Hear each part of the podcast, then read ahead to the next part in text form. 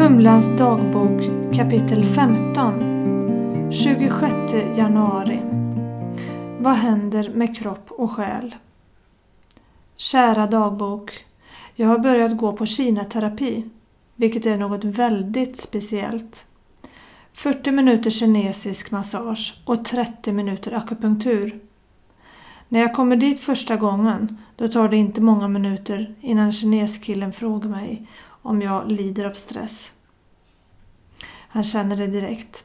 Allt i kroppen har ett samband, helt klart.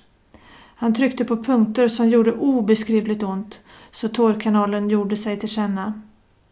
Man får såklart höra att man måste vara rädd om sig och ta hand om sin kropp, vilket kanske är det sista man har gjort.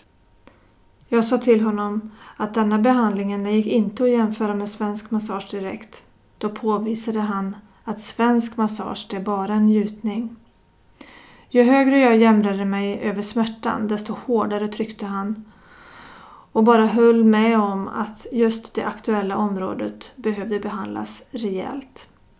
Han ordagrant slog mig på de värsta ställena för att lösa upp knutorna.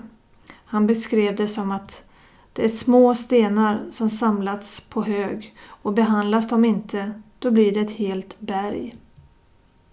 Efter massagen kom en kollega in och satte akupunkturnålar på mig. Ryggen samt en i huvudet och på handlederna där stresspunkterna sitter.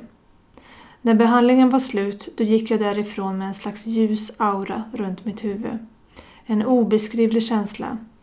När jag låg där och plågades då var jag nästan helt övertygad om att det var det enda och sista gången jag var där. Men så blev det inte. Jag går nu dit regelbundet, dock med en skräckblandad förtjusning. Då kroppen mjukas upp mer och mer gör det inte lika ont som första gångerna såklart.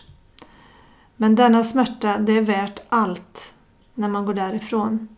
Med ett öppet sinne och en tyngd som har släppt från kroppen. En magisk känsla. Jag har börjat tänka mer och mer på hur viktigt det är att ta hand om sig. Något som jag inte har varit speciellt duktig på tidigare. Bara det är en träning i sig. Ytterligare något som räddade mig när jag var som värst, det var den medicinska yogan, som också är något helt magiskt.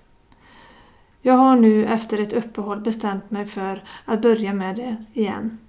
Viktigt att underhålla det som gör att man mår bra. Jag träffar nya människor där, som många har varit och är i samma situation som mig. Det är skönt att prata med likasinnande som förstår på riktigt vad det handlar om. Försöker även underhålla min mindfulness-träning som också ger mig väldigt mycket energi och kraft. När man lärt sig tekniken då krävs det inte så lång stund att komma in i andningen och hitta sitt lugn igen. Plötsligt, då vet du när det är dags att börja något nytt och lita på nyhetens